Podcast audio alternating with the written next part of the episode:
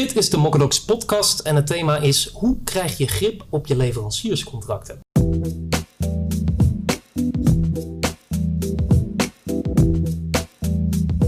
Bij mij aan tafel Dennis de Koning, welkom. Uh, van 2014, experts in contractmanagement en uh, inkoop.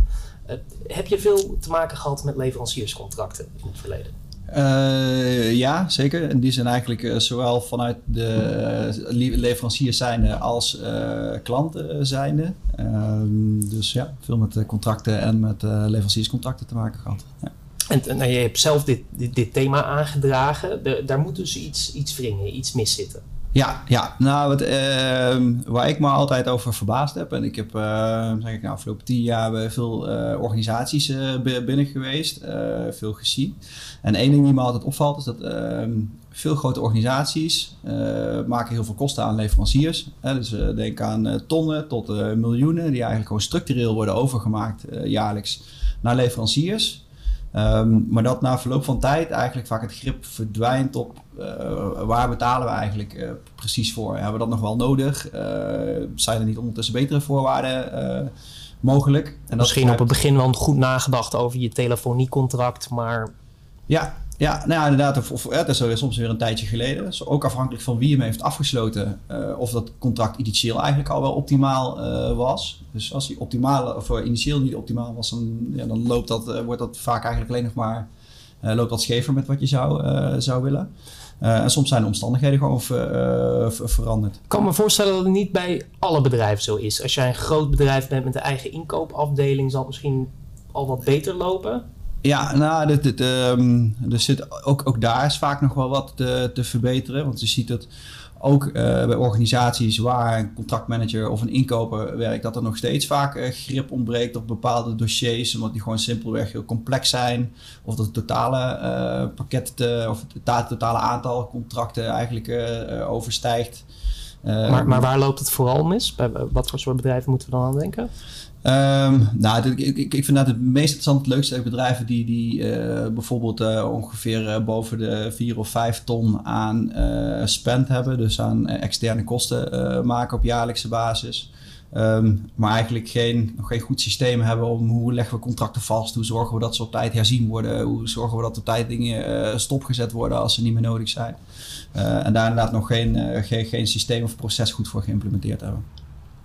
Ja, waar gaat het dan fout? ja, mensen hebben geen zicht, maar wat, hoe, hoe komt dat precies? Ja, nou, de, uh, de, soms wordt verondersteld eigenlijk dat het, dat het eigenlijk wel onder controle is en dat het, dat, dat het wel goed loopt.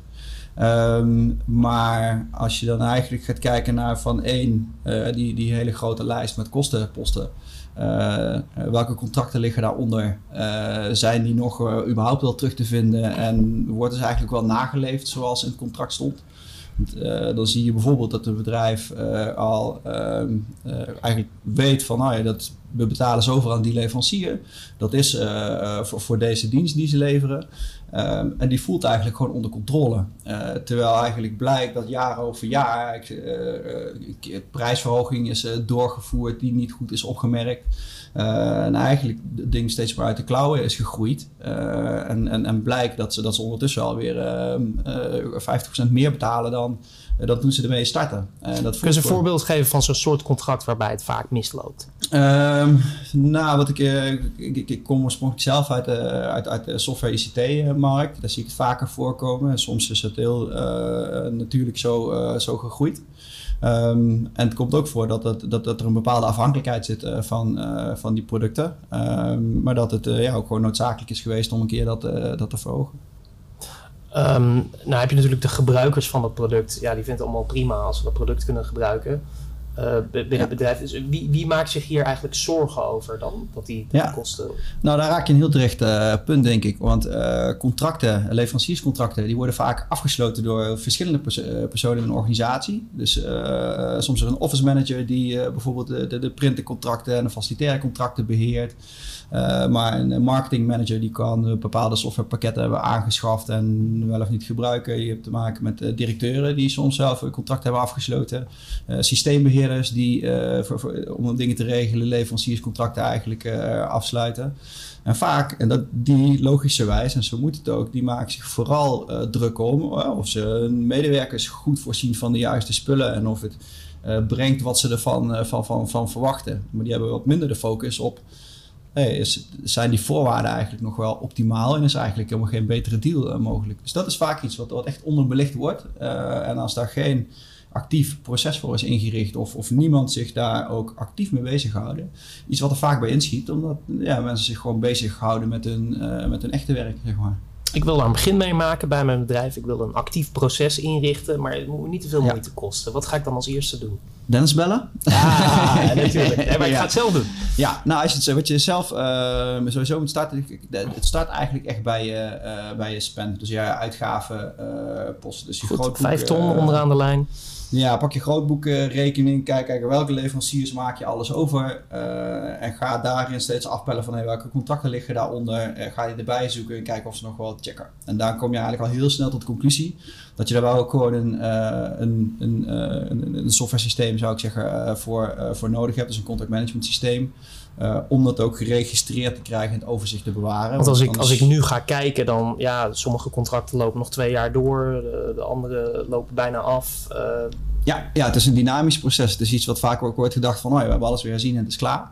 Maar uh, ja, er liggen vaak tientallen, honderden contracten onder die, die, die, totale last aan, aan kosten ja, die wil je echt gewoon in, op één plek uh, makkelijk terug te vinden. Uh, terug te vinden wanneer wat afloopt. Uh, ja, dat moet gewoon echt in een, in een systeem vastliggen. Want anders zie je dat dat in uh, of een losse op, op ijsschijven in mailboxen leveren die contracten zelf. En dan is er misschien iemand van facilitair die een Excel-lijstje heeft om dingen bij te houden. De systeembeheerder die ICT-contracten doet, die, die heeft weer zijn eigen methode op een lijstje. Er gaat een keertje iemand van functie verwisselen.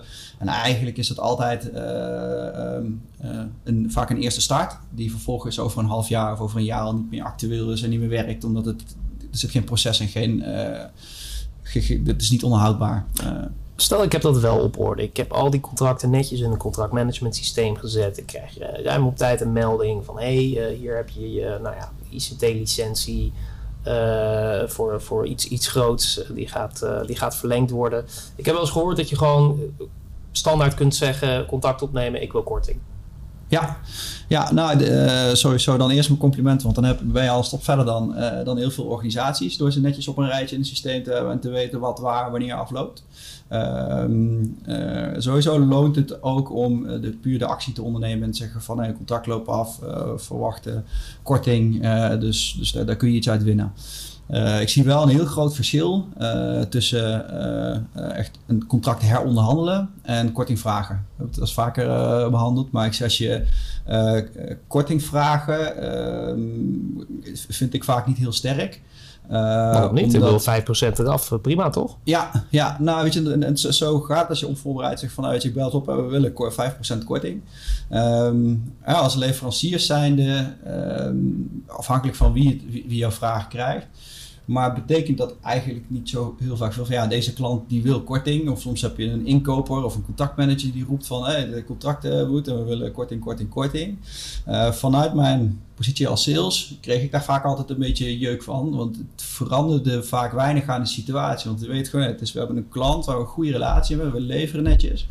Ze zijn tevreden en komt, er komt weer een inkoper die korting vraagt dan zie ik als leverancier geen reden om, uh, om zomaar korting te geven. Uh, daarnaast is het zo dat nou, ook iets met de relatie vaak uh, irritant is. Want als ik die man vaker heb gesproken en het elke keer om oh, korting daar is, daar is Hans weer die om de korting vraagt. Ja, en, en, en zo, belt één keer per jaar op. ja, ja. nou, er zijn zeker organisaties waar ze heel veel, steeds elke keer op elke euro zitten, te, zitten te, te trekken. Terwijl je eigenlijk gewoon een gezond volwassen contract met elkaar hebt.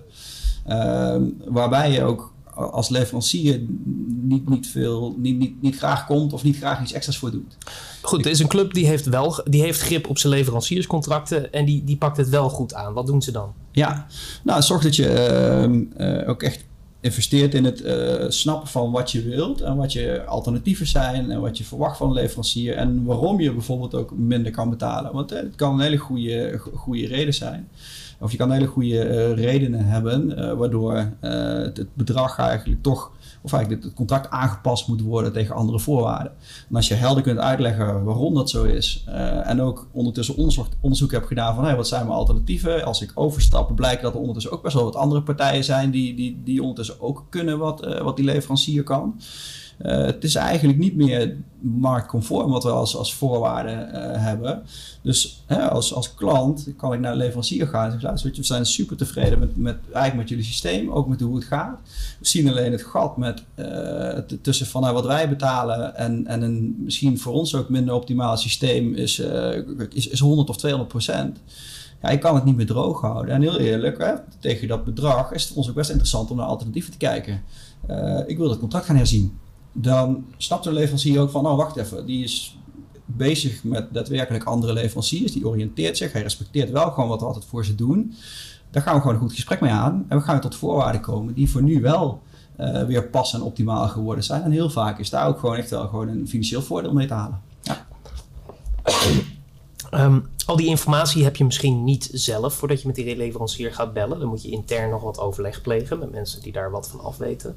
Ja. Uh, mijn, mijn verlengdatum is uh, 1 januari. Hoe, hoe lang van tevoren moet, moet ik dan dat overleg gaan plegen als het over ja. een leverancierscontract van nou ja, 50.000 gaat? Ja, nou, het sowieso een heel belangrijk startpunt is dus ook om te weten, en dat ze het ook in het contract management systeem vast uh, moet leggen, niet alleen het einde van het einddatum, maar ook je opzegdatum. Hè, want die kan uh, soms uh, drie maanden zijn, die kan zes maanden zijn, die kan een maand zijn. Dat is natuurlijk ook heel relevant. Um, en dat is ook afhankelijk inderdaad van hoe ingewikkeld is je contract, uh, wat voor bedrag gaat het om. Uh, maar ik zou zeker als uh, inkopende partij, als, als klant, daar eerder juist sneller, vroeger mee starten. Want dat betekent ook dat, dat, dat zo'n leverancier ook weet van, oeh, hij heeft nog wel de tijd om zijn alternatieven te zoeken. En het is niet iets wat over een maand toch doorloopt, dus ik ga hem een beetje rekken of uh, ja, die, die, die, die, verlengt toch wel. Dus uh, omvangrijke contracten waar het echt de moeite voor is, moet je denken aan als, de opzeg, als je de opzegdatum hebt, zeker zes maanden van tevoren. En sommige complexe trajecten zou ik ook, ook, ook zelfs langer daarvoor voor uittrekken. Uh, de, nou, dan, en dan, dan begrijp je ook dat dat moment vaak gemist wordt. Uh, dus uh, in de waan van de dag zijn er weinig mensen die denken van, oh ja, wacht, over anderhalf jaar loopt het contract af, over zes maanden is de opzegtermijn, we moeten nog heel veel uitzoekwerk doen. Dan moet ik daar dus inderdaad een, soms al een jaar of, of langer mee, mee beginnen. dus dat moment wordt vaak gemist. En dan mis je ook een, ook een kans om, om, om echt goed je contracten te herzien. Tot slot, stel je voor, een bedrijf gaat zich echt echt goed oriënteren op de leverancierscontracten die er zijn. Uh, misschien huren ze zelfs een uh, extern iemand in. Goed idee. Wat, uh, wat kun je dan uiteindelijk besparen? Wat zie je vaak? Um, nou, vaak veel. Dus hoe. nou, dat is ook, klinkt dan heel veel. Je kunt altijd heel veel besparen. Maar zeker ook hoe omvangrijker de contracten zijn. Je hebt er jaren niet op gelet, hè? Ook, zit. Um, dan zijn er op uh, dossiers dus absoluut uh, tussen de 25 en de 35 procent uh, aan, aan, aan, besparingen terug. Dus dat is best echt een forse op, op, op een bepaald dossier. Soms zelfs tot, tot, tot 50 procent. Dingen kunnen gewoon eigenlijk niet, echt niet meer passen zijn met hoe het, passend zijn met hoe het was. Um, en ik vind het lastig om dat terug te vertalen naar de totale spend. Maar ja, als je. Ja. Uh, maar het zijn natuurlijk, het, hè, laten we eerlijk zijn, uh, printers, telefonie. Het zijn niet de dingen waardoor je bent gaan ondernemen of waardoor je bij een bedrijf werkt. Het, het is niet het meest spannend. Spannende ja. onderdeel van nou ja, waar je mee bezig bent. Maar toch, als je op, op dat soort uh, kosten 25% of 35% kunt besparen, is dat heel mooi meegenomen. Het is heel snel de moeite, ja. En ja. Uh, daarbij is het ook zo, en dat maakt het ook, waar, waar ik me mee bezig houd, maakt het ook interessant. Uh, als je als bedrijf misschien een contract hebt wat je uh, 2.500 of 3.000 euro per jaar kost, dan kan het heel veel, een behoorlijke tijdsinvestering zijn om daar echt iets aan te doen. Met misschien relatief wat soms ook minder resultaten, of wat, wat eigenlijk niet is met die, met die inspanning. Alleen uh, op het moment dat ik dat namens uh, efficiënt doe en een uh, specialisme heb op, op zo'n dossier, dan is het herbruikbare kennis en wordt het eigenlijk wel weer de moeite om te, om te doen. Dus toch huur Dennis in. Ja, ja. Verrassend. ja. Maar uh, dank, dank voor, uh, voor nou ja, korte, korte blik op hoe je grip krijgt ja. op leverancierscontracten. Dennis de Koning van 2014. dank en ook dank voor het kijken of luisteren naar deze podcast. wil je meer podcasts van Mokkadox zien, dan vind je die terug op onze website mokkadox.com.